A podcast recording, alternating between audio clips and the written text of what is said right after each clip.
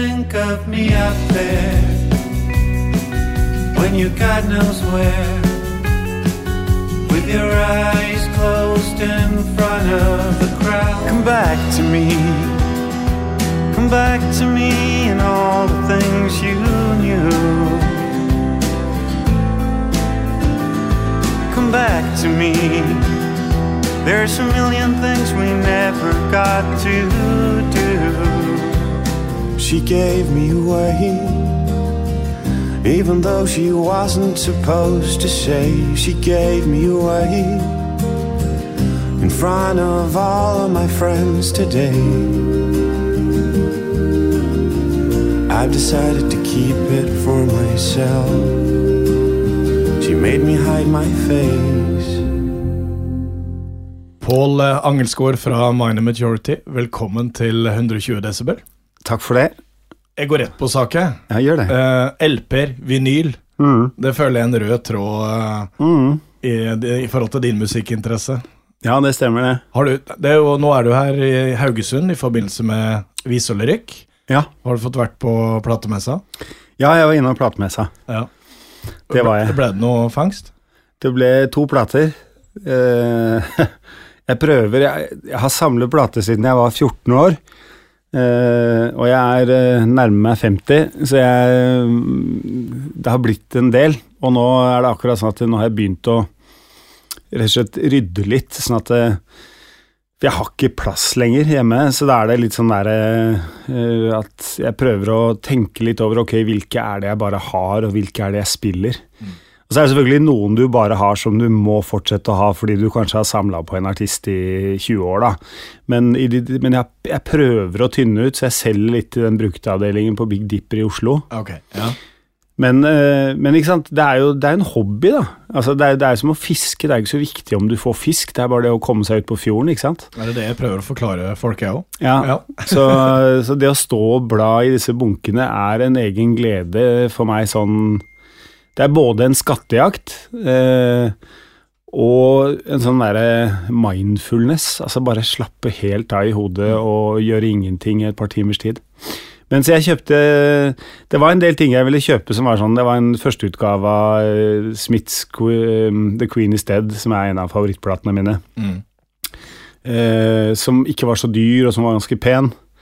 Men så er det dette med å kjøpe ting du allerede har, da. Så, eh, nei, så jeg klarte å styre unna, Ja. styre unna det. Så det ble Chadé, faktisk hennes debutplate. Okay. Den med Smooth Operator. Ja, ja. Eh, Jeg kan egentlig veldig lite om henne. Jeg bare registrerer at det er mange som sier at hun har fine produksjoner, så jeg er veldig glad i den låta. For det, det er min tid. ikke sant? Da var jeg, Hvor gammel var jeg da? Kanskje 13-14 år når den kom. tenker jeg. Så, så, så det er litt sånn morsomt gjenhør, og så kjøpte jeg førsteplata til Kiss. Ja, og det, nei, jeg har hatt litt sånn kick på, på tidlig Kiss i det siste. Jeg, jeg har veldig sansen for spesielt Paul Stanleys eh, låter, da. Han har liksom en sånn måte å tøffe seg på som er så jævla veik. Eh, han eh, Altså, hvis du deler opp Gene Simmons og Paul Stanley sanger, da, så er det liksom Paul Stanley er egentlig bare sår hele tiden. Han har bare lyst på noe han ikke får hele tiden. Mm. Mens uh, Gene Simmons er liksom Dr. Love. Og, og, og, og Førsteplata her, det er den med Firehouse og uh, Kiss in Time og dette her på det. ja, det, det, Ja, dette ja. som altså, Jeg husker ikke alle titler for meg, så er liksom de mest kjente Ja. Strutter og Deuce og Ja. ikke sant, sånne ting. Men, eh, men helt sikkert. Ja, det er det. Jeg, har jo den sjøl. ja. Det er under, undervurdert rock'n'roll, spør du meg. Det blir alltid skjelt ut, men uh, de første platene der er, det er, Ja, det er, ordentlig- er ordentlig herlighet. Det er jo dritbra. Og så er det som sagt noe sånn skjørt i bånn der som jeg liker, da. Man tenkte jo da man var liten, eller jeg gjorde iallfall, at, at Kiss var liksom så jævlig hardt eller et eller annet sånt, men det er jo det mykeste av det myke. Og så er det litt sånn Stonesy pop, egentlig. Ja. Og det Nei, men eh, så nå, når jeg blir voksen, så har jeg begynt å kjøpe Kiss. Det er gøy. Det er bra. Ja. Men hva, hva er det med LP-formatet, da? Hva er det som tiltaler deg? For du, det er LP. Ja. Var, var det CD-er da det kom, eller? Ja, men aldri bare CD-er. Jeg kjøpte ja. vinyl hele tiden eh, også. Så det, var jo, det er jo gull i et sånt platesamlerperspektiv. Jeg er jo en av de ti i Norge som kjøpte plate gjennom hele 90-tallet, f.eks. Mm. Så ja, du er, du er nummer åtte. Jeg er nummer åtte. Ja, så det er jo se, det, det er litt morsomt å, kikke på Discogs og sånn og se liksom at hele den altså Omtrent alle de platene du kjøpte mellom 93 og 97 er liksom verdt mellom 1000 og 5000 kroner. Hvis de er i god stand, da. Ja, ja. Så det er jo litt gøy. Men nei ehm, Jeg liker eh, ting. Jeg er glad i ting. Og Det håndfaste. Ja. Ja. Så jeg, jeg syns det Det er ikke noe sånn lydkvalitetsting. Jeg syns ikke det er bedre lyd på plater enn CD-er eller noe sånt. Men jeg kjenner lyden av plater, Mm. LP-plater, bedre, for jeg har hørt mer på det. Men jeg tror hvis jeg skal snakke om liksom en sånn helt sånn konkret kvalitet som gjør at jeg syns det er et overlegent format, så er det rett og slett at det er delt inn i to sider. Ja. Fordi at eh, på én side, og dette er jo både fra en lytterperspektiv og fra en artistperspektiv, da, så er det jo sånn at du kan komponere noe annet. ikke sant? Du kan komponere en plateside, og så kan du komponere en helt annen plateside. Ta Bowie Low, ikke sant. Du kan, så du kan liksom bruke det at du har to sider, da. Um, og uansett om du ikke skal gjøre to sider som er helt forskjellige, så er det mye lettere å komponere på en måte en sammenheng mellom fem sanger enn mellom ti. Sånn at det er rett og slett det blir bedre, da. Syns jeg, rett og slett. Og så har du ikke sant, attention span. Eh, hvor lenge orker du å sitte og høre på noe i strekk? Nei, kanskje sånn 18-20 minutter. ja, ja. Og det gjør at en plateside er eh, helt perfekt i forhold til hva du liksom klarer å konsentrere deg sånn ordentlig om. Fø- Føler du det endres? For det irriterer meg med meg sjøl. Ja. For da jeg var tenåring, så kunne jeg ligge på sofaen. Du var sikkert sånn og leste alt fra A til Å.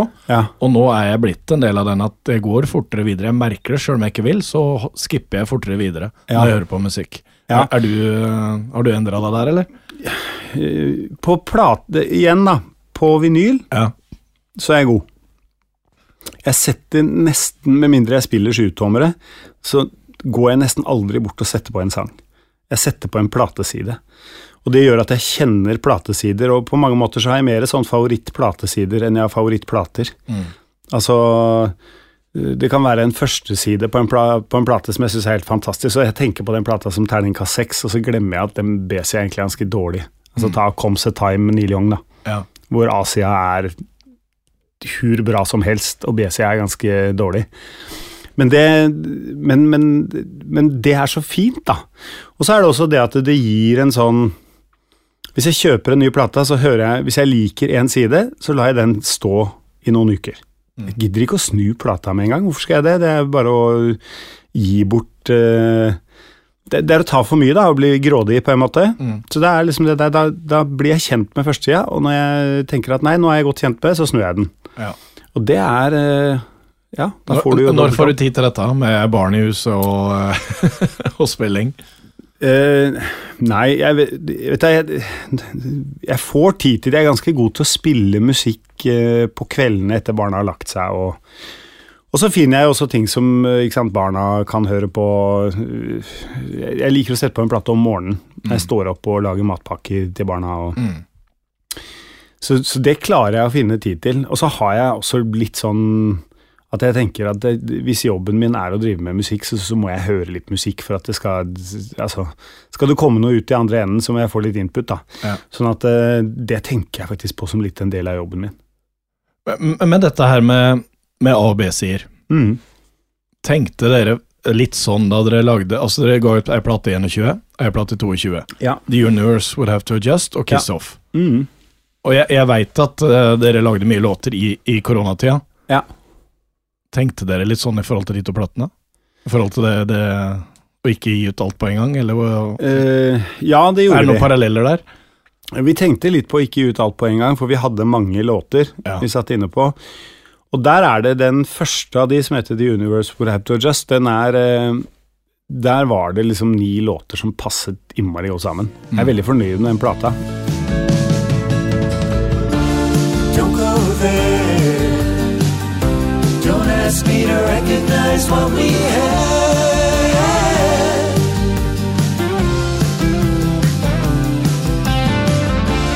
Don't disappear. He used to be so good at being bad.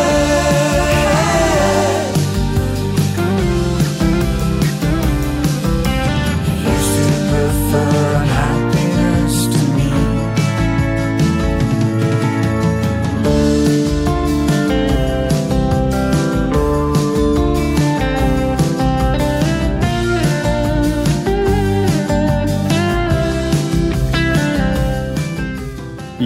Katalog syns jeg det er en av de i hvert fall tre beste, da. Ja. Eh, fordi den har akkurat det jeg krever av en LP, da.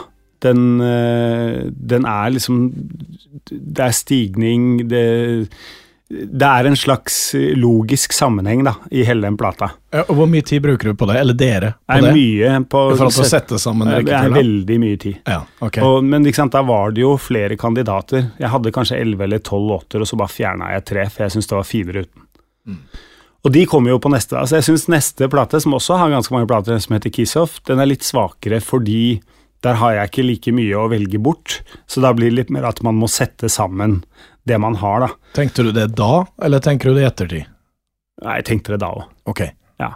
Men vi hadde bestemt oss for at vi skulle lage Vi skulle, vi skulle klare å lage to plater på ti måneder. Mm. Eh, det var en ambisjon, mm. og det gjennomførte vi. Ja. Og dette hadde vi søkt støtte til. ikke sant? Det er mange, mange, grunner til at man gjør det, men det er på en måte litt sånn det skulle vi gjøre. Det var et prosjekt vi, vi satte oss fore. Mm. Og jeg har blitt også litt sånn at jeg tenker vi gir ut plater eh, som en del av jobben vår, på en måte. Og hvis man skulle sitte og aldri være fornøyd da, og gi ut en plate hvert fjerde eller femte år, da må jeg gjøre noe annet. Altså. Mm. Jeg må prøve og feile og treffe. Det, det, er litt sånn jeg tenker på det å drive med musikk. Ja. Også når man spiller konserter. Du må, du må prøve å gjøre noe annet enn du gjorde i går, og så må du tåle at det du gjorde i går, det var tryggere og falt i bedre jord, da. Eh, fordi at hvis man ikke gjør det, så blir det Ja, så, så mister man noe av det som er liksom magien med det, da. At uh, det er en øyeblikkskunst, ikke sant. Mm. Og det har fått veldig gode kritikker. Ja da. Ja, det, absolutt. Jeg har sett på, på sida deres da de kom ut, og det var femmere både her og der. Ja, jeg tror altså den Kissa fikk jo egentlig enda bedre kritikker ja. enn uh, en Universe, men, det, men, jeg er ikke enig i det. Nei, Men, men det, er, det, er, vanskelig å vite, er ikke det? Altså det, Hva som slår an? Jo, jo da, absolutt. Det er veldig vanskelig å vite. Og, du, og, og den tredje ting er vanskelig å vite hva som slår an hos folk. En mm. ting er musikkritikere på en måte som har sine, eh, sine innganger til musikk, da. Mm. Men uh, du kan jo gi ut en plate som ikke får så gode kritikker, eller som på en måte, som publikum elsker. Det er jo, og det er det som er litt fantastisk, at man henvender seg til mange på en gang. Ha, ja, men har, har, du tenkt Har du endra seg hvordan du tenker der? Eller har du alltid, dere alltid ja. vært sånn at dere skal være fornøyde sjøl? Eller har dere gått litt i fella i anførselstegn og så tenkt kan denne slå an? Nei, jeg tenkte på én plate i karrieren, så har jeg tenkt at vi må ha i hvert fall to låter som kan funke på radio. Ja. Og det er den platen som heter Reasons to Hang Around, som som vi vant Spellemann for. Så, ja, så, ja. ja. Uh, der tenkte jeg det. Og det tenkte jeg ikke på som så veldig kynisk, fordi at da Den gangen så var det akkurat blitt en jobb. Det hadde vært en, sant, en hobby i mange år å spille i band, og så hadde vi gitt ut noen plater, og så fikk vi mer og mer oppmerksomhet, og så med den som het Up for you and I før det, så fikk vi et gjennombrudd. Og da tenkte jeg at nei, vet du hva, nå må jeg sørge for å prøve å holde det momentet lite grann. Mm. For jeg regnet jo ikke med at jeg skulle drive med dette her noe særlig lenger enn tre-fire år. Nei. Og her sitter jeg da 20 år etterpå. Men, ja, ja. Men, men, så da tenkte jeg, ikke kynisk, men da tenkte jeg liksom at det er viktig å ha i tanken, da. Mm. Og det lyktes vi jo med. Vi fikk jo ganske mye radiospilling på sanger fra den plata. Så jeg tenker det var jo ikke et dårlig valg. Jeg, had, jeg, jeg syns egentlig vi har gjort dårligere valg etterpå, når vi har liksom laget plater. Nei, vi bryr oss bare om oss selv. Dette handler ikke om uh, annet enn at vi er fornøyd. Mm. Man uh, Altså, jeg mener jo at man altså, Jeg ville aldri gitt fra meg noe jeg ikke var fornøyd med. Neida, det skjønner jeg. Men å tenke at uh, har vi noe som på en måte kan, kan treffe mange, det er jo det er jo utrolig kult hvis man får til, da. Og så er det et eller annet med at uh, man glemmer at det er ganske vanskelig. Mm. Det er ikke så innmari vanskelig å lage en låt som er sånn, sånn objektivt sett ganske fin. Altså, det er en ganske bra låt, på en måte. Den er, har en sånn og sånn struktur, teksten er innafor Altså, den er velspilt og bra sunget, på en måte. Men det å lage noe som virkelig liksom treffer mange, og du egentlig ikke helt kan sette fingeren på hvorfor, da, det er jo skitgøy når det skjer. Mm. Men, men sånn så tilbake til Reasons to Hang Around. Det jeg har lest et sted, at den var litt vanskelig å, å spille inn, for det var midt i Dere var på utenlandsturné, mm. det var mye kjør. Stemmer det? At den var uh, litt tyngre å, også å, å få fram? Ja, og det er jo ganske, egentlig ganske logisk, fordi at da På det tidspunktet så hadde vi gitt ut eh, ja, tre plater, og var jo et eh, lite indieband i, i Norge som ble et litt større indieband for hver plate. Og så plutselig så fikk vi en, en med Up for you and I, så fikk vi en suksess, da. Og da, når du får en suksess, så får du jo flere spillejobber. Og så var vi heldige og ble plukket opp uh, av både et tysk plateselskap og et fransk plateselskap ganske kort tid etter utgivelsen. Så da ble det utgivelse i hele Europa, og så ble det europaturneer, og så investerte vi veldig mye, spesielt i Frankrike og Tyskland, da, i de årene som kom. Mm. Og det gjorde at uh, Reasons to Hang Around lot seg ikke spille inn sånn over to uker, uh, hvor alle var i studio, liksom. Det var sånn mer Når vi var hjemme fra turné, så klarte vi kanskje å spille inn én eller to låter, og så var det ut på turneen, og så når vi kom hjem, så hadde vi kanskje en til. Og Men på det tidspunktet der så hadde øh, Så hadde i hvert fall jeg ganske mange sånne låter i skuffen, fordi at hadde skrevet så mange låter før vi begynte å Før vi fikk lov å Eller før vi begynte å leve av musikk, da. At det var liksom en del å ta. Så hvis jeg hadde fem nye låter, da, så var det ikke noe problem å finne fram fem gamle. Men det er lenge siden nå, altså. Ja. Ja. ja men det holder ikke. Du, du har ikke mange i skuffen nå, da?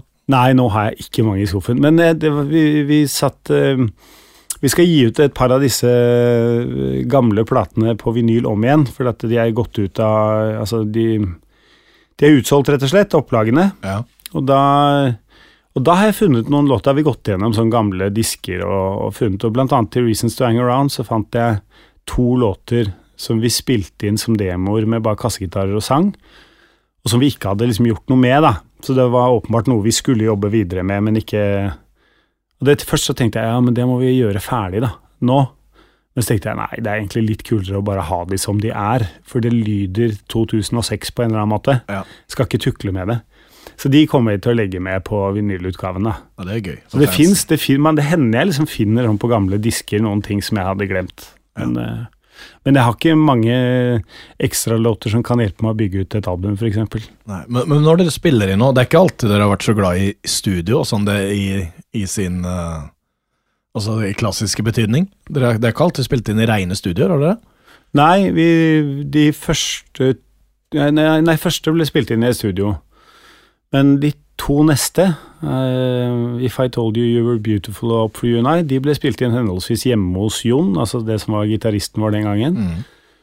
Uh, og Up For You and I ble spilt inn på hytta til Harald, som spiller tangenter. Mm. Så da, men, det, men det var ganske bevisste valg, Ja. fordi at uh, det å spille inn plate i studio er ganske dyrt. Og det fører med seg en del sånn derre at man kan bli litt nervøs da, og binde seg litt. Du kan spille på en måte en låt og et komp og sånn helt fint, men eksempel hvis du skal ha en gitarsolo da, som kanskje er litt vrien å få til, hvor du må tenke litt og komponere litt, og så er det lett at sånne ting blir litt eh, eh, At man binder seg litt. Mm. Så det å på en måte kunne være et sted hvor takstameteret ikke går, da, det tror jeg gjorde at de to platene ble lyder ganske sånn levende. Mm. Eh, rett og slett fordi at det er ikke noe sånn frykt for ikke å få det til i tide, da. Mm. Mm. Nå, nå har du nevnt noen medlemmer, kanskje vi skal ta det for, ta det for eh, de som hører på. Hvem er medlemmer av Minor Majority i dag? Ja, det, det er jo et band som egentlig har skiftet veldig lite. Ja. Det er jeg, Paul synger og øh, spiller akustisk gitar. Ja. Og så har vi Roar Nilsen på elektrisk gitar. Og så er det Harald Sommerstad på tangenter, Henrik Widerøe på bass og Halvor Vinsnes på trommer. Mm. Og den eneste av de som er eh, nye, er på en måte Roar, som har vært med siden 2020. ja. Og Jon Arild, som spilte med oss eh, før det, han uh, slutta etter den platen som heter Napkin Poetry. Mm. Da, eh, da var han litt lei av turné og, og sånne ting, og ville prioritere litt, rett og slett, å være med venner og Mm. familie. Så det er jo verdens letteste ting å forstå. Og da, da var Roar produsent? Var? Da var Roar produsent, ja. Ja, Så ja. vi gikk ikke noe så langt da når vi skulle finne en gitarist. Men Nei. jeg hadde også spilt med Roar når jeg ga ut en soloplate, så jeg kjente han ganske godt, da. Ja. Og han kjente oss godt, så da var det en, eh, et godt valg, tror jeg.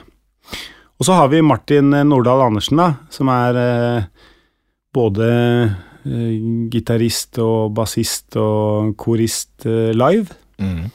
Eh, og som har spilt noe på platene. Men Mm. han er først og fremst med som livemedlem, og har vært det i mange år. Ja. Han begynte, begynte og, og, og når du er duojobber. Ja, han er med nå på duojobb her i Haugesund. Ja. Ja. Mm. Mm. ja, men det Hva har eh, Hva har eh, Roar eh, tilført bandet, da? Eh, ja, For, jeg vet, du har jobba veldig tett. Ja da. Dere har jobba i 20 år med, med, med Jon, ja. med Jon. Mm. Nei, eh, altså eh, Han spiller jo gitar på en helt annen måte enn Jon. Eh, Jon er en sånn gitarist som beveger seg veldig i kompet, bruker mye fingrene når han spiller, har en lyd med mye bånd. Noe som egentlig frigjør meg fra ansvar. da. Jeg kan godt ha en litt sånn krisp og lett kassegitarlyd på en måte, hvis, eh, hvis vi spiller sammen. Mm. Mens Roar spiller mye mer rundt kompet. Han er mer solistisk og tematisk orientert. da. Ja. Som gjør at f.eks. jeg som kompgitarist blir viktigere. da. Jeg må ha litt mer bånd. Eh, må være den som bærer det litt mer, på en måte. Eh, så akkurat i en sånn livesammenheng så er det en ganske så, så merker jeg en relativt stor forskjell. Så Roar er jo litt sånn eh, skolert litt. Han, han er litt sånn teknisk gitarist. Kom, har liksom en fot i folkemusikk og jazz og Så han spiller eh, solistisk ganske annerledes. Litt mer kanskje eksperimentelt, litt mer teknisk. Mm. Mens Jon er veldig tonegitarist. Mm. Så, men begge er jo veldig gode, da. Eh, og Ja. begge har veldig sånn Det de er like på, er jo eh, at de, de spiller rent. Bruker mye clean-lyd. Eh, er opptatt av å spille strøkent og feilfritt. Altså er veldig sånn Ja, ja. perfeksjonistiske gitarister, begge to. Så, eh, så det er eh, Jeg er veldig glad i å spille med, med begge. Ja. Mm. Men det som jeg tror Roar tar med seg som er spesielt eh, i en sånn eh, ja, til bandet, det er jo litt sånn arrangørrolle, for han har jo produsert veldig mye plater. Mm. Og han skriver jo stryk og blås for mange artister og Så på disse platene Han har jo annet arrangert både stryk og treblås og Altså gått litt Vi har rett og slett gjort litt sånn større arrangementer, da. Tør, turt å være litt mer vågale, kanskje. Mm. Uh, og, og det syns jeg er en sånn veldig tydelig signatur fra hans side. Mm. Og så bidrar han i låtskrivingen. Mm. Han har vært med å skrive låter. Eh, det gjorde Jon også i starten, men så har etter hvert som årene gikk, så ble det mindre og mindre eh, Altså ble han mer og mer bare gitarist, da. Mm. Men så jeg syns jo det er veldig deilig at man får At noen har lyst til å være med på det, da. For det er jo en litt sånn eh, ensom jobb etter hvert. Det er, du, hvis du ser på artister som har holdt på en stund, så vil du se at veldig mange av de begynner å skrive med andre på et tidspunkt. Og Det er ikke fordi man slipper opp for ideer, men det er jo fordi at eh, det er bare utrolig deilig å dele det med noen. Mm. Det går fortere, ikke sant. Det er, eh, det er jo som en slags eh, redaktør, da, for å trekke en sammenligning til litteraturen. Eh, altså at jeg tror ikke det viktigste med en redaktør er at han skal stryke setninger for deg, men det er at han skal kunne si til deg at jo da, det kan være trygt, det er bra. Mm. Ikke sant? Jeg, jeg, jeg har prata litt, jeg har i hvert fall sett Roar Nilsen. Jeg har sett den med, med Erlend Ropstad. Erlend Ropstad, Mm. og han eh, arrangerte jo stryk og produserte Skambankt sin akustiske, Ja, ja. og Mm. bass i dag, så det, det, han har jo en allsidig bakgrunn her. Kommer inn med litt annen innfallsvinkel, kanskje. Mm, absolutt. Men hvordan har det vært i bandet tidligere? Nå, nå har du fått bidrag fra flere bandmedlemmer nå på, på, er det på Kiss Off tro? ja. Eh, med, med låter. Ja, ja, det er eh, Harald har vel også en låt. Ja. Så og Henrik hadde en på forrige. ja. Så vi prøver å ha det sånn at, eh, at det er et par bidrag fra andre på hver eh, plate. Mm. Men det er ikke alltid det går. Det fordrer jo at man har noe. Ja. Men, men Harald har liksom skrevet Han som spiller tangenter, har skrevet en låt sånn til annenhver plate. Mm. Og Henrik har skrevet litt til de siste. Til Napkin Poetry og til Universe. Så Men Roar er sånn Vi setter oss og bruker tid, på en måte. Vi holder av så og så mange timer hver uke til å rett og slett sitte og skrive sammen. Mm. Så, og han har jo et studio i Oslo, så det er på en måte ganske sånn lett å bare møtes og bruke tre-fire timer på å jobbe fram ideer, og så møtes vi igjen neste uke og fortsetter med det. Så det er en egen form for øving da, som ikke inkluderer hele bandet. Hvordan fungerer det for deg når du er aleine? Er det tekst, eller er det musikk som kommer først? Musikk. Ja. Alltid. Mm. Det er alltid låt, altså sang og melodi først. Hvor, hvor viktig er tekst, da? Det er veldig viktig. Eh, ikke fordi at jeg ikke syns altså Det bør ikke være så viktig, høres ut som at altså det blir litt sånn Ja, var en god tekst? Ja, en god tekst kan være veldig enkel og veldig snål og quirky og det er ja. Men jeg må tro på den. Ja. Og hvis jeg ikke tror på den, så klarer jeg ikke å synge det bra. Det er veldig sånn Det merker jeg helt utrolig godt når jeg skal i studio og synge. Da er det sånn at hvis jeg egentlig ikke tror på det jeg synger, så må jeg bare stoppe. Ja. Og det, så derfor er tekst viktig. Tenker du Ja, for du sier det at tekst kan være mye, for jeg er litt sånn eh, Ja, hvis jeg hører på Anthony the Johnsons, da, Mm. så er teksten eh, kommer den veldig tydelig fram. Ja. Hører jeg på rock'n'roll, så bryr jeg meg ikke så mye. Nei, men vi er Eh, helt like. ja. Jeg har det på samme måte. Ja. Derfor tok det meg veldig lang tid å skjønne at f.eks. Mick Jagger er en jævlig god tekstfatter. Fordi at jeg tenker ikke egentlig så mye på det med Stones. Nei. Men eh, men eh, for det første så spiller jo vi en musikk der ofte så er på en måte vokal eller tekst ganske i fokus. Mm. Og, det, og da blir det også sånn at man må ta litt større hensyn til disse tingene. Eh, men dernest så er det liksom Det interesserer meg, da. Jeg syns at det er en ting Jeg liker jo veldig godt de som eh, legger litt sånn alvor i tekstskrivingen. Sånn at eh, jeg pålegger meg selv på en måte, eller vil veldig gjerne gjøre det det jeg jo, og så lykkes jeg jo av og til, og så feiler jeg jo av og til. Det er ikke sånn at du at fordi man har lyst til å skrive gode tekster, så skriver man alltid gode tekster, men, men det hadde ikke Men altså Å gi seg tidlig på en tekst bare fordi at eh, Nei, musikken er så bra, det holder, liksom. Det får jeg ikke til. Nei. Litt tilbake til deg og, og Roar Nilsen. Dere har et annet prosjekt av dere. Er Møte med, med musikk, er det det det heter? Ja. Kan du fortelle litt om det?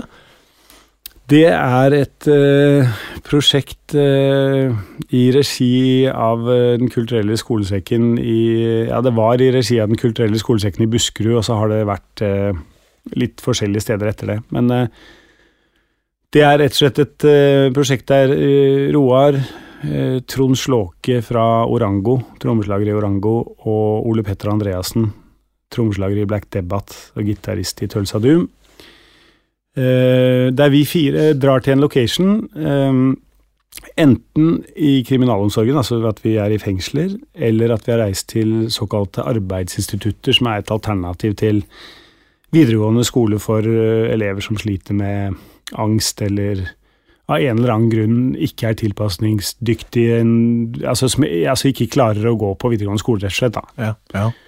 Det blir galt å si tilpasningsdyktige, for det har ikke noe med det å gjøre, men, de, men av en eller annen grunn så trenger de en annen måte å gjennomføre de skoleårene på, da. Mm. Og da tar vi med oss eh, studio, altså alt studioutstyr, eh, til location, og så skriver vi en låt med elevene i løpet av en uke, og spiller den inn i løpet av en uke. Hvordan er den opplevelsen? Nei, det er ganske intenst. Det Ja. er eh, eh, Det er jo sånn at eh, hvis, det, hvis jeg skulle laget en låt og spilt inn en låt, så ville det jo aldri gått på bare én uke. Ikke sant? Mm. Og vi er Og her er det mange som skal delta, ikke sant. Så det er veldig Nei, det er veldig hektisk, men det er jo helt sykt kult, da. Å få lov å jobbe på den måten. Ja. Lærer utrolig mye om å skrive sanger av det, og lærer jo masse om folk.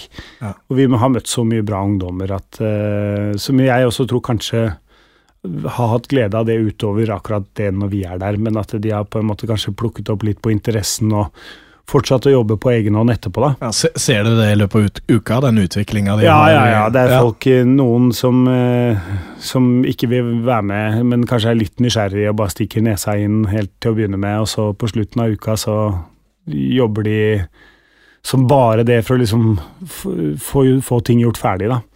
Så det er eh, Nei, det er faktisk eh, et helt fantastisk prosjekt som vi har hatt i ti år, og som alle Ingen av oss vil gi slipp på, for det er eh, det, ja, det er et veldig, veldig kult prosjekt. Ja, Det er helt fantastisk. Altså, Jeg skal ikke snakke om hva jeg driver med her nå, men jeg er lærer, og vi hadde et bandrom på det barneskole. Mm. Så arrangerte jeg konsert eh, på noe som het Byscenen her i Haugesund, Ja. med 700 unger inne. Og Da husker jeg det var en, eh, en kar som spilte trommer, som sa Espen, dette kommer ikke til å gå.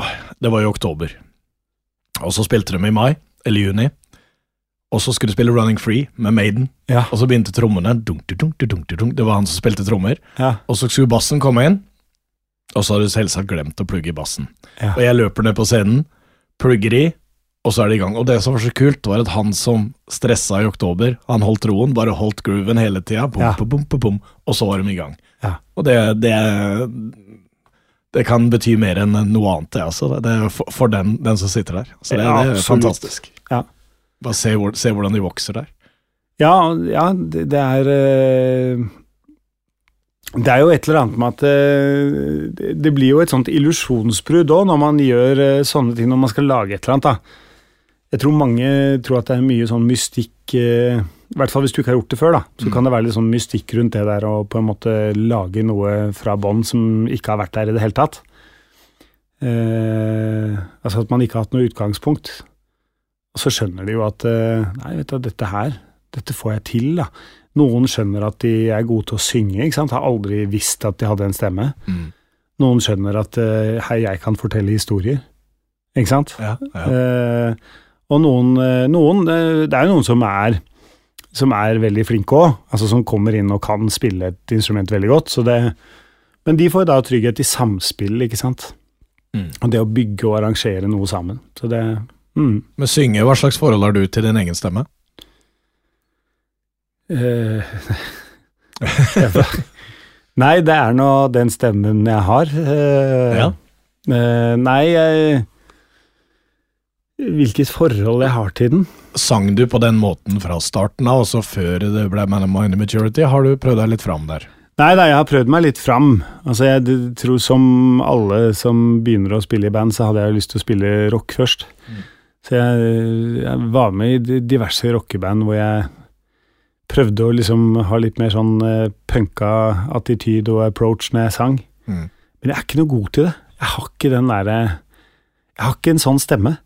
Altså, det var først med, med Mind Majority at jeg merket på en måte at hvis jeg Hvis jeg ikke dro på så innmari, altså at jeg bare holdt litt tilbake eh, når jeg sang, og at jeg ofte turte å på en måte ligge i mitt dypere leie, da, istedenfor å gå opp en oktav og kjenne at jeg er presset, så lød det mye finere, da. Mm. Så, så jeg fikk en bevissthet omkring liksom hvordan Ja, her, her har jeg helt naturlig en stemme som fungerer, da. Mm. I hvert fall til den type sang jeg lager.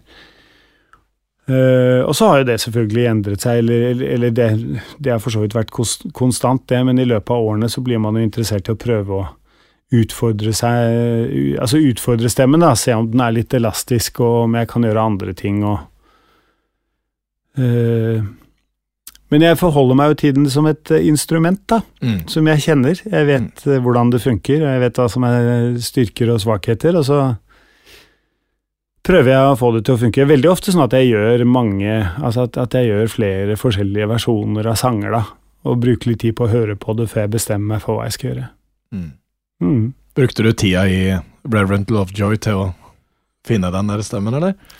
Ja, altså Reverend Lovejoy eh, eh, Ja, det, det, jeg føler jo at det er noen steder der også hvor, hvor jeg på sett og vis Jeg syns vi kan høre det på de rolige, i hvert fall. Ja, er, Altså, jeg, tror, nok- jeg tror nok allerede der at jeg har skjønt at jeg er litt tryggere i, i et visst leie, da. ja. Men uh, Hvorfor ble det Reverend Lovejoy og ikke som, som uh, altså Hvorfor ble det Minor Majority og ikke Reverend Lovejoy som fortsatte med det dere gjør i dag? Nei, det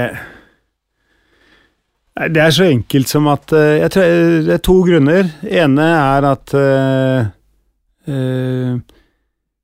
Jeg startet jo Minor Majority egentlig som et soloprosjekt, Mm. fordi at jeg hadde noen sanger som Reverend Lovejoy ikke syntes var så kule å spille. Det var Mm. for rolig musikk på en måte.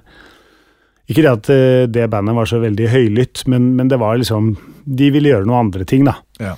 Så tenkte jeg ok, da får jeg spille det inn selv. Mm.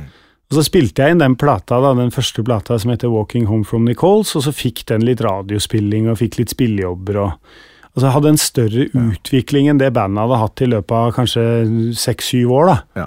Electrolove fikk jo spilling der. Ja. Ja. Og da, da ble det liksom litt sånn naturlig å jobbe videre med det, og så jobbet jeg parallelt med disse bandene i hvert fall i tre-fire år. Men da ble det også litt sånn tydelig for meg at eh, at eh, Reverend Lovejoy, det var liksom en, vi var en vennegjeng som koste oss med å spille sammen. Men det var ingen, eller det var i hvert fall ikke alle da, eh, i bandet som var så veldig interessert i å reise til andre byer og spille. Og, altså det var litt mer sånn Nei, jeg skal på parmiddag, eller jeg skal i altså, Sånne ting som folk gjør, da. Mm. Som, som jeg også gjør Ja, når jeg er hjemme, ja. på en måte. Ja, ja. Men, men, eh, men altså, det var Du ville mer. Jeg ville det mer, altså. Rett og slett. Mm. Og da ble det litt sånn til slutt at eh, At det ble bare det ene bandet, da. Mm. Men eh, Men den gjengen og det derre altså eh, som jeg spilte med i Reverend Lovejoy, er jo veldig nære venner av meg. og Mm. vi har gjort noen opptredener sånn, eh, sånn innimellom, og det er alltid veldig gøy å spille med dem. For Ja. det er rart å merke at du kan være borte fra hverandre i 20 år, og så er du bare rett inn i det samme.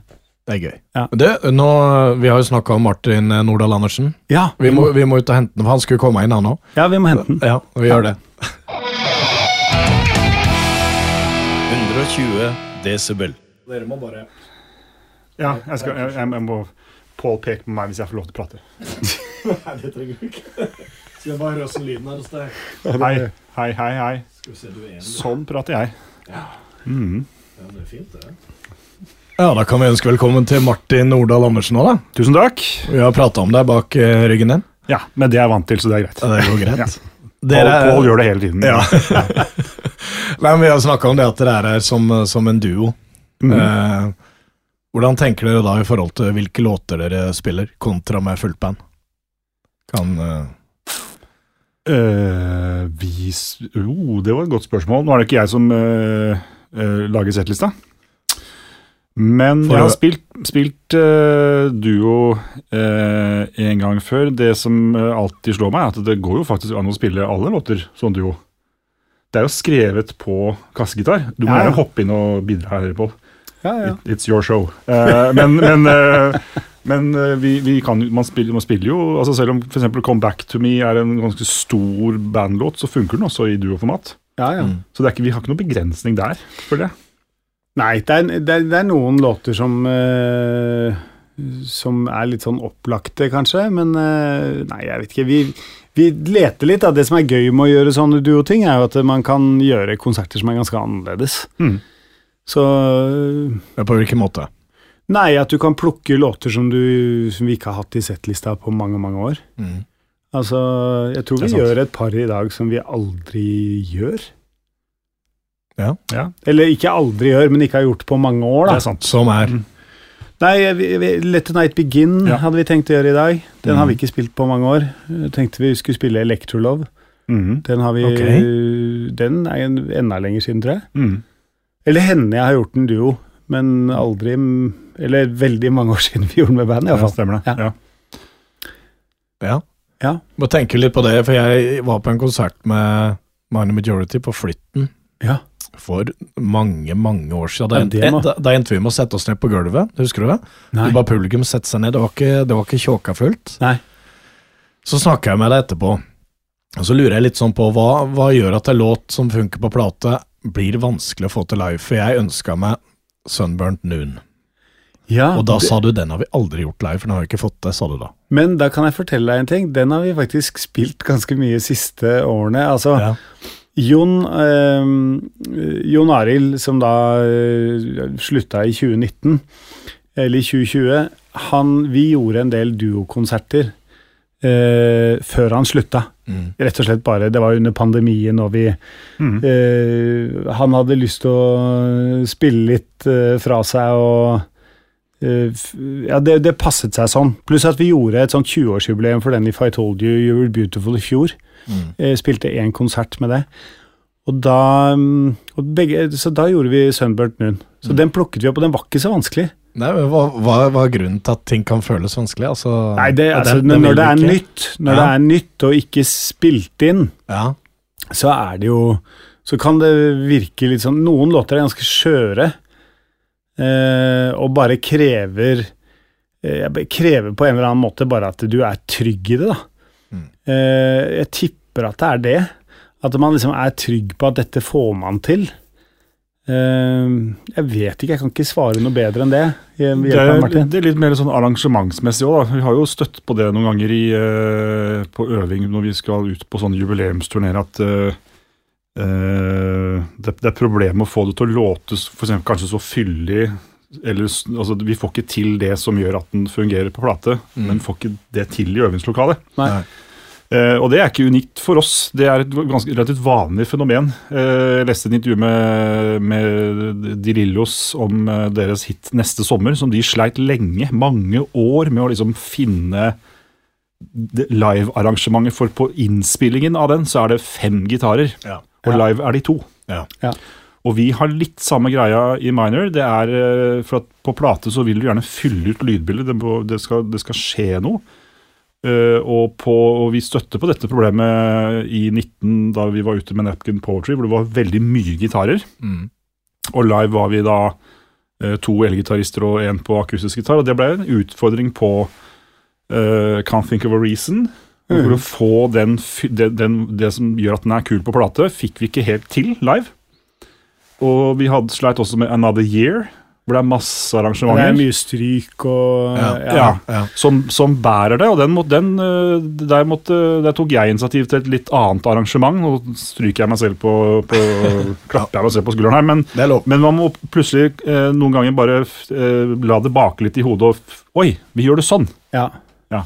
Nei, Det er veldig rart det der når det plutselig går opp for en at ja, å ja, man kan gjøre sånn, ja. Ja, ja. Og da at- får du den ja. lyd, ja. Uh, Ja. Men, det, men, men, eh, og det kan, være, det kan være alt fra uh, låter som er store bandlåter, til at det var bare uh, Paul som komper seg selv. At liksom, f- f- får kanskje ikke til det gitararrangementet lenger, eller at man må uh, At det live ikke bærer, da. Mm. At det er ikke nok. Det er veldig At- ja, rart, ja. det der. Så det er, det er, ja, det er en uh, vitenskap som ennå ikke er uh, fullt uh, utforsket. Det er ikke lagd noe ferdig doktoravhandling på det? Nei. Nei. Men Martin, eh, litt sånn, vi prata litt om deg før opptaket kom i gang her. Mm. Hvordan eh, kom du eh, inn i bandet? Eh, jeg har kommet inn i bandet via at jeg Skal vi gå helt til skapelsesberetningen? ja, ja, vær så god. Eh, jeg ehm, eh, Jeg bodde på Blindern studenthjem da jeg, var, da jeg lata som jeg var student. Eh, Hva studerte du da? eh, musikkvitenskap Ja. eh, på Universitetet i Oslo. Og der, eh, på Blindern studenthjem, så bodde også Halvor Vinsnes og Jon Arild. Eh, som ble da henholdsvis gitarist og, og trommis i Man Majority. Jeg visste ikke at Jon Eller at det, at det var en eh, At det var et band. Dere hadde vel allerede gitt ut én plate? Eller du hadde gitt ut den første først- plata? Ja. Ja. ja. Og så eh, og, og Jon eh, Og jeg, jeg er egentlig venstrehendt, så Jon ble veldig glad når han liksom så at jeg spil, hørte at jeg spilte gitar, og så så han meg spille liksom luftgitar venstrehendt. Og så ble han så skuffa når han så at jeg hadde gått over til den mørke siden og spilte høyrehendt gitar. Eh, noe han ennå ikke har greid å tilgi meg. Eh, men så flytter Jon ut fra Blindern studenthjem, og jeg, flyt, jeg flytter ut, og så og så, og så øh, husker jeg liksom sl- slo opp i avisen, øh, jeg tror det var Dagbladet, der, hvor det var en, en nyhet om at Mine Majority skulle komme med en ny plate. Så var det bilde av, av Paul og Jon, og jeg bare liksom skvatt litt til. Jøss, er det hva, hva skjer nå? Og så har jo, eh, gjennom en sånn felles eh, Neil Young-interesse, så har jo jeg og Halvor og Jon eh, og Henrik fra, fra Minor hatt et sånt eh, Neil Young-coverband vi kaller det Cinnamon Girls. Mhm. Eh, og vi spilte i, eh, på et kjellerarrangement på Blindern studenthjem en gang, og da hadde dere spilt i forkant et annet sted. I, en annen, i et annet sted i kjelleren. Det er en lang historie, det kan vi ikke gå inn på. Men så tror jeg dere, du kom og så oss etter den konserten, og det var første gang du så meg. Ja. Eh, og året etter så spilte Man the Majority i, eh, i, eh, i Sandefjord, der jeg er fra. Og da, bare litt, litt sånn på tøys, tror jeg, så spurte jeg trenger dere noe hjelp til, til noe bæring. eller sånt, og, jeg, og så ja, ja, selvfølgelig. Bare tull. Men uh, i hvert fall så det var da, tror jeg, da vi hilste på hverandre sånn litt sånn formelt. Hei, jeg heter Martin. Hei, jeg heter Pål. Ja, Første, ja, ja. første gang. ja. Uh, men så året, og så året etter det igjen så kansellerer Amy Winehouse sin konsert på Øyafestivalen, og da, eh, og da sto jeg faktisk uh, foran hovedscenen når det ble annonsert, og da teksta jeg Jon liksom, 'Trenger dere hjelp nå?' For det, er litt, det, var, litt, det var litt krise. Ja, Og det, da- Bare litt kontekst der. Da, Ja, ja, ja, det var Amy Winehouse skulle spille på Øya, eh, og så ble det avlyst. På og dagen. Hun skulle spille på samme dag. Ja. Og da ringte da eh, Herregud, hva heter han sjefen på Øya igjen? Klas. Klas, ja. Ja. Da ringte Klas meg. Da gikk jeg gående i Oslo. Hei, eh, Amy Winehouse kan ikke spille. Er dere i byen? jo, jo, vi er i byen. eh, eller Det var- det var vi egentlig. Det var egentlig ikke helt sant, for Henrik, Henrik var i Bodø. Og Halvor var på Tjøme. Ja, Halvor var på Tjøme. Men, men så var det Oslo-ish. Ja. Ja. Og så var det da om å gjøre å liksom eh, De trengte De trengte noen til å steppe inn, og ville gjerne ha oss, da. Ja. Så da Det er bakteppet her. Og, da, eh, og da sa de ja, og da hjalp jeg til eh, på ordentlig med litt bæring og rigging, og jeg stemte gitar, for det var liksom min første jobb som å, å være gitartek, og det var jeg i flere år, Ja, stemmer det. og reiste rundt. Eh, og etter hvert så har jeg da jobbet, jeg jobba i Vingene, da, og så har jeg sånn gradvis jobbet meg inn, lenger inn på scenen. Til at Du sniker, det sniker Ja, ja, inn. ja. Eh, Martin, kan ikke du spille litt gitar på den låta? Vi altså tilbake til det vi snakka om i stad, for at den låta trenger det. Ja. Ikke sant? Ja. Og så, så blir det mer av det. da, Så i, så i 2019 så sto jeg og spilte hele showet. Ja. Og da var det, så, så nå har vi ikke gitartek lenger, da. Nei. Jeg, jeg tror, eh, og det tror jeg ikke de tør å ha med heller, for at det blir fort, fort veldig dyrt. Men du kan fint kombinere, vet du. Ja. Og så, så, så sånn kom du inn, men så sa Ja. jo du noe før vi starta at eh, dere oppdaga hvor veldig, veldig bra dette var. Ja, altså Martin er jo en eh, dritbra gitarist, så det så det oppdaget vi egentlig ganske tidlig, men det er riktig som han sier. det var litt det, Han fylte ganske mange roller til å begynne med. Ja. sånn at da var det et eller annet med at eh, Ja, flott at eh, han kommer inn og spiller litt, og så tar han og sjekker over gitarene, og så ikke sant, Det ble, han hadde, det var flere ting, da. Ja. Mens nå de siste årene så har han jo vært eh, bare musiker, da. Mm. Og det Og nå klarer vi oss ikke uten. Men nå, eh, når dere er på tur som Mm. duo, om det skal være trio innimellom oss, skal det ikke det? På Ja, den da, da, Martin er jo litt potet, da. Så da, da veksler Martin mellom å spille gitar, bass og tangenter. Ja. Mhm. Men når dere gjør dette her og, og gjør låter, tar dere med dere av det den følelsen inn når du skriver nye låter til, til nytt album? Altså Kan det påvirke hva som kommer på, på neste album? Når dere opptrer sånn som dette? Det kan det absolutt, men, eh, men det skjer i så fall litt uti. Mm. Fordi at eh, hvis man reiser eh, på en turné med ett format, så er det jo veldig ofte sånn at etter hvert så får du lyst til å prøve nye låter, ikke bare gamle låter, i det formatet. Mm.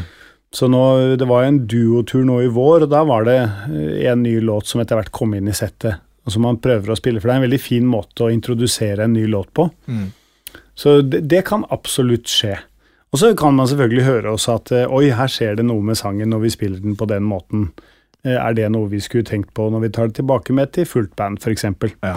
ja. Så jeg syns det, er veldig- det er veldig sånn sunt å bytte litt mellom formater eh, for oss som musikere. Altså alle blir flinkere til å spille og få litt sånn utvidet uh, forståelse, Mm.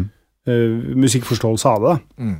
Så, og så er det fint å Det er fint. Vi er jo en uh, vi er jo en gjeng der noen av oss på en måte har valgt å drive med musikk fulltid, og så er det noen som gjorde det i en del år, men som nå har mer vanlige jobber og ikke har den tida til å holde på. Mm. Så da frigjør man på en måte, eller gjør man det litt sånn enklere for alle, egentlig. da. Mm. Ved at man ett år så reiser man ut som fullt band, ett år reiser man ut med et duoformat eller et trioformat, f.eks. Mm. Martin, hvordan er dynamikken i bandet? Er, er Pål en bandleder, eller er det mer et, uh, et sånn flatt uh... Tenker du på denne, denne duoen? Nei, nå tenker jeg på bandet, bandet i deg, og du kan jo si hvordan du føler det på tur. nei da, i bandet. Forsiktig nå, Martin. Ja, nå, Nei, nå, kom nå, an. nå må jeg Nei, jeg, jeg, nei altså jeg øh, oh, Jeg har jo egentlig Altså, øh, i Jeg har opplevd bandet uh, The Mind Majority i sin første run, da. Eh, liksom på tampen, når, det, når de ga ut en plate som eh, fikk litt, eh, litt litt medfart, må jeg si. Og, Mm. og, og det var eh, publikum eh, ikke, ikke svikt, men det var litt ned fra forrige turné. Og det, og det er klart at det skaper jo litt sånn, eh, litt sånn uro. Så, men, men, men bandet, der er det jo Det er jo ikke Paul som er manager, f.eks. Det er jo keyboardisten. Så det er jo, så det er jo og Jon hadde mye å si i forhold til soundet, så det var jo en slags balanse der. Men det er klart at eh, det å være den som skriver låter, gjør noe med din status i bandet. Det er det ikke noe tvil om. Uh, men så var det, ble det interessant at uh, jeg ble jo med i uh, dette bandet som Pål Hang skulle hadde med seg når han lagde to soloplater. Det bandet har vi ennå ikke greid å skaffe et navn til. Nei. Vi spøker jo, vi kaller det uh, Paul Angelsgaard and his few believers. men, vi, vi, men, men det var interessant, for der tok, måtte du ta mer styringa. Eh, og den har du tatt, føler jeg at du har liksom tatt, inn, eh, tatt med når bandet har begynt igjen. Ja. Uh, og, og at det er, ok, det er faktisk Paul som, som legger litt føringer her. Mm. Ja. Uh, Det- mener jeg nok er den ganske Ja, men Ja. jeg tror det er veldig riktig. Ja. Altså, det- til å begynne med, så det, det, det har jo vært veldig mange versjoner av dette bandet. Yes. Første platen var en soloplate fra meg, Mm. hvor jeg spilte inn hos Andreas Berselli. Andreas er med og bidrar masse, men det er mine låter, og det er på en måte veldig Det er ikke noe band, da. Nei, nei. Og så var andre plate, så er det Jon Arild og meg, hvor vi er en duo. Og så tenkte vi to som en duo at eh, ja, på tredjeplata så har vi lyst til å flesh it out a little, og få med liksom litt bass og trommer og sånn. Mm. Og så gjorde vi det på noen låter. Mm. Ikke så mange.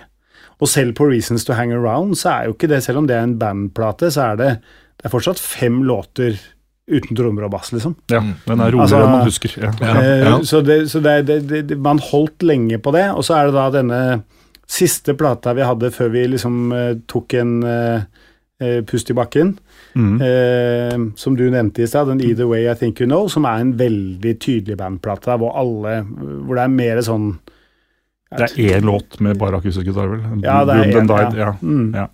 Men, men da, da er det På den plata så, så følte jeg at eh, Følte jeg at det var Det er kanskje eh, altså det, er- det, er så vanskelig å si, da, i forhold til hva man eh, nå, nå føler jeg begynner å surre, men, eh, men, men det jeg kan si, er at det, da tror jeg kanskje at alle følte det at det var mer demokratisk. da. Ja. For at det var sånn, Vi brukte så lang tid i øvingslokalet, det tok så lang tid å på en måte Vi hadde et veldig sånn sterkt ønske om å være gode, da, på en eller annen måte.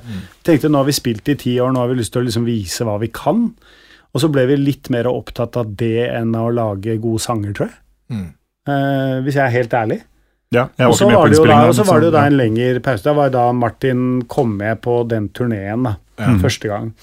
Og så når vi da kom tilbake igjen eh, i 2000 og begynte å spille konsert i 2014 og ga ut ny singel i 2016, og så har vi fortsatt fram til nå, da, så har det jo vært en litt annen energi rundt bandet. For at da har, da har jeg gitt ut to soloplater i, i mellomtiden, og der ble jeg nødt til å lede, for der kommer det jo bare folk inn, ikke sant. Ja. Og da ble det tydelig, det er jeg helt enig med deg.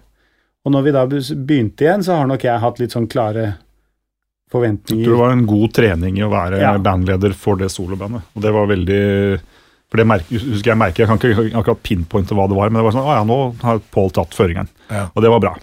Men det, som, ja. men det som er, ikke sant, det er jo, for dette er jo noe av liksom magien med å spille i band, det vet jo alle som spiller i band, at eh, du må gi.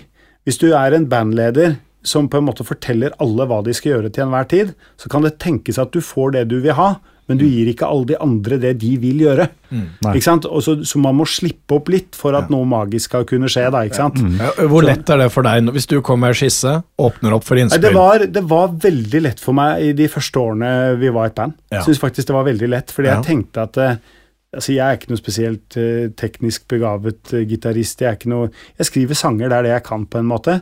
Så det, det at andre har sine ideer og fyller materialet med det de kan, det, det, det tenkte jeg bare at det hever låtene. Eh, jeg tror jeg har blitt lite grann med årene, så har jeg blitt man blir, eller jeg har blitt litt flinkere. og så har jeg blitt, Når jeg sier flinkere, så mener jeg ikke at det nødvendigvis er bedre sanger, men jeg har blitt litt flinkere til å vite hva det er jeg driver med. Ja. Og da eh, kan man ha noen kanskje tydeligere ønsker, da. At jeg vil, jeg vil at det skal gjøres på den måten. Denne låta tror jeg kanskje ikke trenger trommer. Ikke sant? Den, altså at du, man blir litt sånn at man ikke bruker dødslang tid på noe som allikevel ikke blir sånn som du hadde tenkt. da. Mm, mm. Men når det er sagt, så vil det alltid være i hvert fall 50-60% av sangene hvor jeg ikke har et så klart bilde på hvordan de skal være. Mm. Ikke sant? Og hvor eh, innspill fra tangent, eh, altså Harald på tangenter, eller eh, Martin på gitar, eller Halvor på trommer. ikke sant? Altså at de tingene er, er bidrag som på en måte hever låta masse fra mitt utgangspunkt. da. Mm. Sånn at det, det er litt begge deler. Mm. Eh, men det er viktig, det er veldig viktig å gi noe. For hvis ikke du gir noe, så tror jeg du ødelegger det å spille i band. Altså ødelegger det som Da blir det bare helproft, på en måte. Mm. Det kan aldri bli helt helproft, for da, eh, da tror jeg man dreper det litt. Mm. Men man må også selvfølgelig noen ganger være veldig tydelig på de ideene man har som man er veldig trygg på. Mm. Mm. Jeg tenker i forhold til duetter, jeg. Veldig, Ja. Dere har veldig mange duetter. Ja. Kan, altså Kristel Alsos, Karen Joe Fields, eh, Ja. Linnea Dale Det er også ei som har vært med veldig mye nå. Det er eh, Kristine Maria Svang. Takk. Ja. Kaller seg for eh, det er Chrissy Chris- Mary. Chrissy Mary. Ja. Eh, er det alltid tenkt som en duett? Nei, det er ikke alltid tenkt som en duett. Men Nei. jeg tenker, men en ting jeg alltid har brukt mye tid på, det er akkurat det der at uh, En uh, kvinnevokal, da, uh, eller en annen vokal, det kan for så vidt være en gutt, men jeg tror jeg har det der fra Lemonheads, fra Evan Dando og Juliana Hatfield, på en måte, som hadde en sånn måte å synge den sammen på som ikke var Det var egentlig ikke harmonisang. Eh, det var stort sett bare unis, eh, men at det var så forskjellige stemmer. Han var en baryton, og hun var liksom helt lys oppi der. Som bare skapte en sånn bredde i uttrykket, da, og gjorde det litt sånn både tøft og litt søtt på samme tid, da. Eh, og det tror jeg tok meg veldig tidlig, at det har jeg lyst til å prøve å gjøre. Ja. For det var litt eget i liksom, popmusikken på 90-tallet, da. Akkurat deres måte å jobbe på. Og så begynte du med Karen, som jeg jobbet mye med, og så har jeg liksom alltid tenkt at det vil jeg opprettholde. Ja, For 'Dancing in the Backyard' ble den første store radiohiten. Ja, ja, ja. Er som er en duett. ja. Mm. Men vi har jo veldig mange låter som ikke er duetter, hvor det bare er kor og på en måte adlibs fra, fra kvinnelige sangere, da, Mm. uh, som er med på platene. Og det, det bare liker jeg veldig godt. Men det som er med duett, er jo at i og med at vi har gjort en del duetter, så har det også slått meg mange ganger. La oss si jeg sitter med en tekst, Mm. og så syns jeg ja, ja, det er fint, jeg liker egentlig alle tre versene, men jeg, det er et eller annet med sammenhengen her som jeg ikke får til å gå opp. Og så tenker jeg, tenker jeg meg det som en duett, og så går det opp. Mm. Må du bare bytte ikke sant? Du, Man jobber jo og er i prosess. Veldig ofte kan det å tenke seg eh, fordi at sanger er jo ofte monologer, ikke sant. At man sier noe om et emne som man bryr seg om eller tenker på eller er redd for, eller hva det måtte være. Mm. Og så plutselig så kan du si at ja, men hvis du får istedenfor at du sitter bare og tenker på disse greiene her, da, men du får på en måte to stykker som konkret snakker sammen i sang, da, Mm. eh, så kan det oppstå helt andre ting. Mm. Og det syns jeg er veldig gøy. Og øh, akkurat det syns jeg egentlig jeg har vært ganske sånn Det, føler jeg at jeg har fått til, da. Mm. Eh, og og, så det er ganske gøy å skrive det. Mm. Eh, Men blir det utfordring? ja, det er ikke sånn at jeg tenker at jeg, til neste plate skal jeg ha en duett, Nei liksom. da, det. Men, men veldig ofte så dukker det opp én per plate. Ja. Ja, faktisk. Der du må snu om litt i tankegangen. Ja, Mm. men det, men det er egentlig bare befriende. Det er litt sånn som sant, hvis du sitter med en eller annen idé som ikke går fram, framover, da, så ok, hva om jeg skriver det motsatte? Mm. Så plutselig har det flytt. Ikke sant? Det, det, er, du, det, er jo bare Ting blir til eh, Ikke sant? Det er mye som skjer i den prosessen der, da, og de, de, veldig sjelden kan ikke huske at jeg har skrevet en sang som en duett fra start. Nei. Det tror jeg ikke jeg har gjort. Disse sangene som er duetter, altså det er en veldig signatur for gjennombruddet. Mm. Altså Som du nevnte, 'Dancing in the Backyard'. Mm. Det er også eh, en i, i forhold til det du spurte om med, med utfordringen å spille ting live. Så har man jo ikke alltid med seg en eh, kvinnelig vokalist eh, for å ta den rollen. Men så har vi Martin. Ja, ikke sant? Ja. Eh, nei, men det, er, det, det må jo løses på et vis. Og det, har, jo- det var jo f.eks. et problem med Another Year, hvor, hvor eh, Linnea har en ganske stor uh, rolle. Mange, mange en tre, to-tre vers. Ja, to, Og, ja, og, og, når- og live så har jo nå Paul endt opp med å synge hele teksten selv, og det er, det er ganske mye tekst. Mm. ja, det er mye å huske på. Det er veldig mye å huske på. Ok. Eh, så, der var, det, så, med, så med den, den låta så, vi, vi, vi øvde på den da vi skulle ut på turné. Så kjære lyttere, hvis du gikk på Napkin Portrait-turneen og ikke fikk Another Year, så vit at vi prøvde. uh, men da, da var det flere utfordringer. Én ting var arrangement, men det, det var også tekst. Eh, eller den rollen. Vi, bare, vi, vi kom ikke i land. Men, eh, den var, eh, men det, og det var jo da fælt å høre at folk på, på konserten sto og ropte etter den, og så ja. Det, Men når var det vi begynte å gjøre den? For vi har gjort den mye etterpå. ja, vi, vi, eh, det var rett og slett i 2021, tror jeg. Var det Tyskland? Var det der vi begynte? Another Year? Ja. Nei, vi, vi spilte den i eh, Eller i hvert fall i, Ja, vi, ja, vi, fra våren 22. Stemmer det. Ja, Stemmer. Mm. jeg, Det var vel du, det, som ja, hadde det ja, Nå prøver jeg bare igjen å klappe meg litt på, på skuldrene her, bare for å liksom, mitt bidrag her er at den låta er i settet. men, men, men, ikke, men ikke bare der. altså Det å, det å uh, Dancing in the backyard er også krevende hvis du skal liksom uh, som mannlig vokalist prøve å doble det, eller prøve å liksom legge på en, en stemme, for at det er så signatur. Mm. Og så får du ikke til den der, og, og Karen også har en sånn anslag i den låta som liksom løfter det veldig, og det er veldig vanskelig å få til med en mannerøst. Ja. Ja, det, ja, det, det, vi, jeg prøver så godt jeg kan, og i kveld så er det mulig Nei, eh, men, men, eh, men eh, Oi, det er podkast, ikke radio. Ja, sorry. Eh, eh, men vi får det til på et vis. da, Så er det også den derre Var det ganske morsomt tidlig i karrieren hvor, liksom, hvor, hvor er hun hvor er, hvor er hun, hun dama som synger? Ja, ja. Den, Jeg fikk dere et spørsmål om det? Ja. ja, ja, vi, Ja. vi reiste jo rundt om, og så ja, Da gikk jo den 'Dancing in the Backyard' gikk på radio, Ja. og det er jo sånn for mange at uh, en plate er den låta uh, som, er, som er en singel som blir populær, da. Så man tenker på det som det. Så eh, husker vi kom bl.a. til Nord-Norge. Jeg husker ikke, lurer på om det var Bodø. Og så er det den plata hvor coveret er en, det er en Ja, det er dame på coveret. jente. Og så står, og så ja. står de gutta i bakgrunnen. Så selvfølgelig. ja. Så alle, alt liksom legger opp til at det er en kvinnelig frontfigur, da, og at vi to står bak og spiller på en måte. Og så er det en, en dame som synger på refrenget. Så når vi kom da rundt, så var det ikke sant Ja, hei, hei, hyggelig å hilse på. Hvor er vokalisten, da? og så måtte vi forklare at nei, det, det, er, jeg, det er jeg som synger, og, og Karen hun har sin egen karriere. Hun uh, gjør andre ting. Men vi har jo brukt Vi har jo samarbeidet med Karen i 20 år, da. Ja. Hun har jo vært med på nesten alle platene, for hun er veldig Hun er en veldig særegen måte å, å finne sin plass i sanger på. Jeg syns eh, Jeg syns hun er utrolig god til det. Mm. Det er Én ting er å komme inn og gjøre, altså gjøre en korjobb eller en harmonijobb eller et eller annet sånt, men Karen eh, blir alltid sånn letende etter litt rare innganger i ting. Mm. Og det gjør det alltid interessant å jobbe med henne. Så, så ja. De, dere har ikke prøvd eh, det som noen andre har gjort, da, å ha med, altså få inn en lokal gjesteartist på vokal? Jo, har, du hva? har dere gjort det? Jo, det har vi gjort. Vi Ja, gjorde, det, no, vi gjorde det noen ganger. På, på den, på, det gjorde vi vel på soloturneen min. Selv- Ja, ok, når du, når du, Martin, når du sier 'oh god', så må vi høre her. Nei, Ja, det var- men det var, det var Ja, altså, det, det, var, det, det er egentlig en veldig god idé. Ja. Problemet var det at altså, det må du gjøre når du er altså, nå, Med all respekt, Pål, men da, det var jo liksom sånn litt sånn i startgropa igjen for karrieren. Ja, altså, ja, ikke ja. helt, men, men altså, da, det var, hadde vi gjort det hvis det var liksom sånn Haugesund er utsolgt høvleriet, ja, ja. og det er litt blest rundt konserten, så, så vil du få flere sangere som har lyst til å gjøre det. Ja. Men nå ble det sånn én meldte seg på per konsert, og så må man liksom bare Ja, da får vi bare gå for deg, da.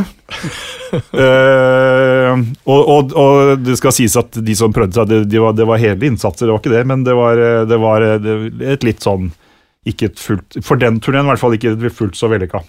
Men noe vi kan le av i ettertid. Ja, ja, så, så var det noen som var bra. Vi har jo gjort det der av og til med Minor òg. Mm. At, eh, at vi har eh, Det er ikke mange det er, det er lenge siden, men det har blitt gjort. Mm. Ja. Men, eh, men nå er vi jo, bare sånn for å gå tilbake til den sangen, da, så Mm. er det jo et eller annet med at nå er vi også Det er også en sang som vi er blitt så vant til at ikke Karen er på sidelinjen, eller at det ikke er noen andre som står der og synger det. Mm. Sånn at nå er det ikke så skummelt lenger. Det er, eh, det er bare en av låter som vi gjør uten, Mm. uten henne. For der er det lett å tenke at nei, den kan vi ikke ta for at hun er ikke med. Altså, og, eller, at- eller at, det, eller at det, Ja. det, det er for, for krevende å synge. At det, kanskje publikum ikke liker det hvis hun ikke er med, for at det er så signatur når hun kommer inn. Mm. Men så har man, har man vel bare og hvert fall for, for jeg har også tenkt det når jeg har liksom gjort soloting, at skal jeg, skal jeg kor, eller skal jeg prøve? Ja. Og så må man jo bare hoppe i det, det er det som er svaret. Ja. Men eh, jeg hadde lyst til å si det at, for at du, du nevnte at hun har litt sånne rare innganger, og sånn, og det er jo faktisk litt gøy på, på den plata. For først, det første hun sier, er ikke 'come with me', det er Ooh.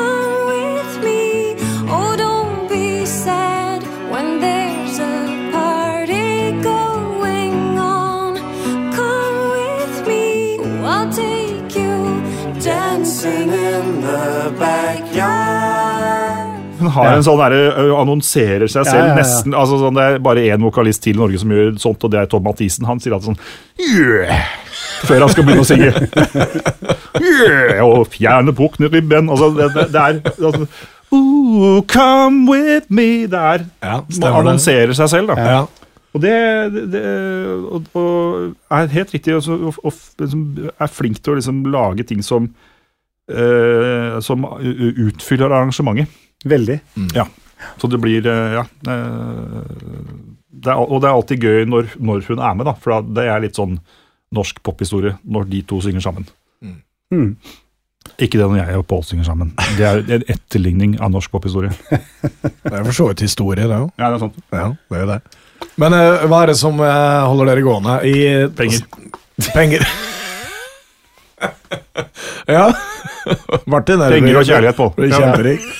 Nei, men Hvis du tar det tilbake igjen til da dere slo gjennom, så var det svære, turnert til utlandet. Ja, ja. Eh, Ok, da, applaus. applaus. Applaus. Applaus. Ja. Hva, hva holder dere gående nå? Nei, altså det, vi, Jeg syns jo det, dette her går ganske fint. Altså, det er jo ikke Vi spiller jo fortsatt for masse mennesker. Ja. Det er masse mennesker som kommer og øh, ser låter. øh, Nei, er ser konserter. Øh, Hva skal jeg si? Jeg kan ikke komme på noe Nei. bedre ting å gjøre enn det her. Jeg elsker å spille konserter. Og jeg også liker veldig godt den variasjonen som ligger i at vi ett år så reiser vi ut med band, spiller store scener, Mm. gjør større produksjoner. Og ett år så reiser vi rundt med duo og trio, spiller mer intime konserter. Gjør noe som på en måte er litt skjørere og mer sårbart. Det er helt kult, det er kjempefint. Mm. Jeg liker det formatet veldig godt. Noe, jeg foretrekker ikke egentlig å stå på scenen på Rockefeller og spille fullt band. Det, jeg syns det, det er to sider av det å være utøvende musiker. Mm. Og det er, begge deler setter jeg sinnssykt stor pris på. Mm. Og nå er det også lagt opp på en sånn måte som passer på en måte alle, eh, alle sammen, da. De av oss som gjør dette da fulltid, og de som på en måte er nødt til å ta seg litt permisjon fra jobb og, og, og, holde av eh, Ja, og man er nødt til å sette litt sånn spesifikk periode for å få det til å gå opp, da. Ja.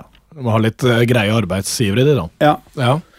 Så det er, eh, nei, så det er fint. Så det, men å holde det gående, altså det å spille konserter, det å skrive og spille inn sanger, det er Jeg syns jo det er, blir bare mer spennende hele tida. Hadde jeg ikke syntes det, så tror jeg ikke jeg hadde på en måte orket eller giddet eller Nei. Altså det er jo fordi at det er så gøy. Ja. Ja, Og det- spille en konsert, det er, eh, det er jo sånn Det kan jo være helt fantastisk. Og så kan det være frustrerende, og så kan det være selvfølgelig helt greit, men jeg er jo aldri likegyldig til det. Nei. Jeg Er full av adrenalin. ja, er det før du går på? Ja, full av adrenalin, og, og jeg må ha en debrief etterpå Ja. på en halv time. Bare hvordan gikk det, hva gjorde vi, hva Ja. kan vi gjøre bedre? ja. Det er, det, er kjempebra, syns jeg. Altså, det, det, det, for å si det sånn, jeg føler jeg lever. Ja, ja. Eh, Mm. og, det, og det å skrive sanger er jo også bare noe som Det er jo et, et puslespill som ikke blir ferdig, på en måte. Mm. Så det er, det er utrolig spennende. Så så lenge man har et publikum, og så lenge man har på en måte anledning til å få lov å gjøre det, så, så er det veldig vanskelig å finne en bedre jobb, altså. Ja, nei, det, ja.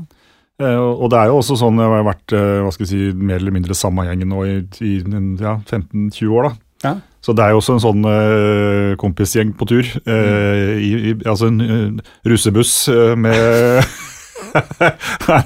Men, men, det, men i, i, bandvan fra Bislett Bilutleie og over, overlasta med utstyr og i kveld er det Haugesund. Altså, Ja, hva, hva what's not to like? Ja. Eh, eh, og så blir jeg, i hvert fall jeg da, som kommer liksom litt inn fra sidelinja, så er det jo et sjokk å, å plutselig spille i et band som, hvor det kommer folk som du ikke kjenner. Ja. Og det er, og det, og, og det er, eh, og det er Men det, det, er, det er ikke alle forunt, det. Det, er, det, det å liksom eh, det å knekke koden på å spille for noen som ikke er i familie eller i, i, i umiddelbar vennekrets, ja, men helt seriøst, det er, det er jo det, er det som er litt magien, da. Så jeg blir jo liksom sånn, eh, også, alltid litt sånn overraska over liksom, hva slags makt som ligger i den Man Majority-logoen. Uh, hva, hva den gjør med uh, et uh, med, med liksom at jeg, jeg representerer Eller jeg er her fra Man Majority. Å ja! Oi! Ja! Jøss, hei! Velkommen. Og så, eller makt og makt, men det, liksom, det, det gjør noe med man, hvordan man blir tatt imot. og Ja. Når jeg også nå sier til kollegaer eller nye kollegaer at jeg spiller, spiller band, jeg spiller minor, så, så sperrer de opp øynene. Og det gjør de ikke nødvendigvis ellers, hvis jeg sa at jeg spilte gitar. Nei. Uh, og så er det en ting som jeg aldri blir vant til, og det er hva som skjer med publikum når vi begynner å spille på Supergirl. Ja. Hva Og skjer det, da? nei, men det er uan, og Du nevnte i stad at noen konserter kan være frustrerende. Om ikke annet, den er lik hver gang. Nei, da blomstrer de. Da, da, da lysner Da kommer, da slår lyset på. Og selv, selv om en konsert har gått dritbra, så er bare det, er liksom Det er en hit. Ja. Og, og, og, hva er, og hvordan kan du si at noe er en hit? Jo, du, det, det, det skjer med publikum. Ja, det er sant, det. Ja. Det er uh, det, De går er, helt nuts. Ja, får vi se, da. Om det går nuts. Ja, nei, ja, Ja. men altså, altså Ja. Det er i, altså, hvert fall sånn på, Ja, ja. på, på Rockefeller eller en eh, Har jo sett det på Høvlehio Ja, det har vi sett det her. kveld, eller, eller også Men, men også selv i duoformat så er det et eller annet men Da løsner det litt. ja. Gir, det, gir det en trygghet, da? Ja. Hva Men vi må fremdeles spille, da. Vi kan jo ikke liksom slappe av. Men liksom det, er, det er en trygghet på at eh, eller, jeg, jeg, det, var det, det var ikke det at det er vanskelig, det var bare det, det hva som skjer, Mm. blir jeg aldri vant til. Det er alltid gøy å se. Nei, men det, det, altså, det kan være litt rart, fordi Ja. vi, vi har jo tanker om uh, Altså Man sidestiller jo litt sånn Ok, dette er de låtene som funker veldig bra i band, eller dette er de låtene som er populære, eller dette er de låtene vi liker selv, eller Ja, ja. Men når vi spiller, så er det jo bare en sånn settliste fylt med låter som vi syns er på en måte en, en god settliste, da, som vi tror vil gjøre publikum fornøyd. Mm. Eh, og så er det Og det, og det har vi, vi har ofte rett i det. altså Du bruker jo ganske lang tid på å bygge en settliste, så når den først sitter, så, er den, så funker jo det. Mm. Men, men det er det der å merke at det liksom eh, At den, det er en sang som er en, er en ordentlig hit, da. Mm. Ikke sant? 'Dancing in the Backyard' det har vært spilt mye på radio, har kanskje vært en liten hit i noen miljøer. Men, men Supergirl er liksom en sånn mainstream-hit. ja det er Altså, forbi det det, er- igjen. Ja. Det spiller ikke noen rolle hvor du drar i Norge. Når du spiller den, så kan folk den, da. Ja. Mm. Og det er, eh, det er veldig gøy og rart og eh, Ja, det, det, er litt odd, rett og slett. Ja. For det er jo bare én av låtene. Det er jo ikke er, jeg, jeg tar meg selv i det hver eneste gang. Ja, det er bare ja, Supergirl, ja. For at man har spilt den, ikke sant? og så bare skjer det hver gang vi spiller. Oi søren. Oi, fett. Ja, ja. Ja, Det gir et kick. Nå skal Ja, ja. dere, dere skal snart på lydprøver. Mm. Eh, bare litt sånn avslutningsvis, hva er, er det noen konkrete planer nå i forhold til nye innspillinger Du, med, bandet? eh? Nei, vi har Eller jo, vi har en konkret plan om å spille inn eh, noe musikk eh, neste høst. Mm -hmm. men akkurat Og vi har planen om at det, da skal vi reise bort, da skal vi ikke være i Oslo, da skal vi gjøre det på en annen måte. Mm. Eh, men eh, hvilke Altså, vi, men det er en stund siden vi har øvd som fullt band. Eh, vi skal øve litt i høst, og så eh, Så da blir det på en måte sånn Vi får se hva det blir. Men det er Vi kommer til å begynne å øve til høsten, og så kommer vi til å begynne å spille inn en ny plate neste høst igjen. Mm. Mm. Martin Nordahl Andersen og Pål Langeskog fra Mayan Majority, tusen hjertelig takk for at dere kom på besøk, Takk for, Takk for at vi kom. og kos dere i kveld. Takk. Yes, takk. Vi skal avslutte med, med denne her. These are all the things I never got to say to you. Things I don't even tell my friends. This is a song that I've been humming on for way too long. The hidden track left at the end.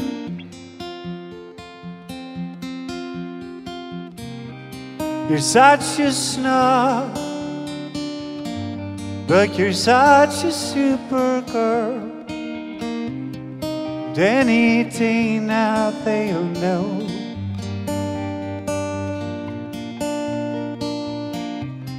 Such a snob, upon reconsidering, well, you've got all the things I want. These are the streets we walk, the memories we're leaning on. These are the images I've saved.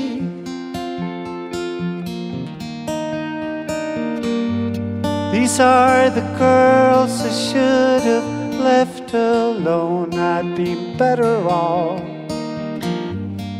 This is where I am today.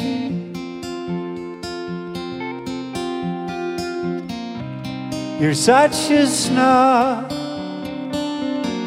but you're such a super girl. And any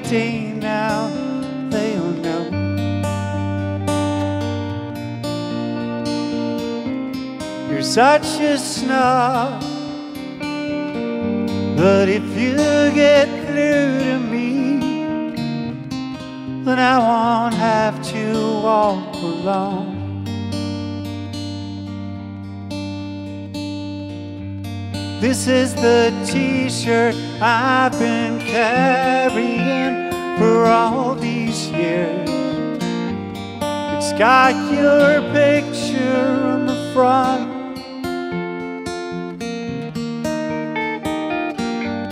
This is the pride I take in wearing it, in sharing it with everyone who needs to know. You're such a snob, but you're such a super girl. And any day now it'll show.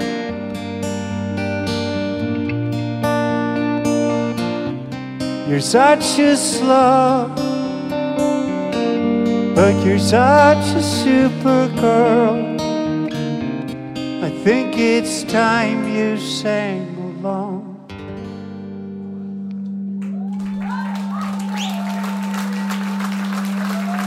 This one's for rock and roll, for magazines, for radio, for all the times it knocked me out. for showing up when everyone thought you were gone. This one's for never giving up. Your touch is love, with your a is supergirl.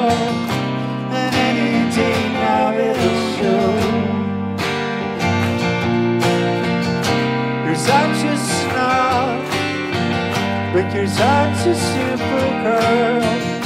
But here's a heart that you want.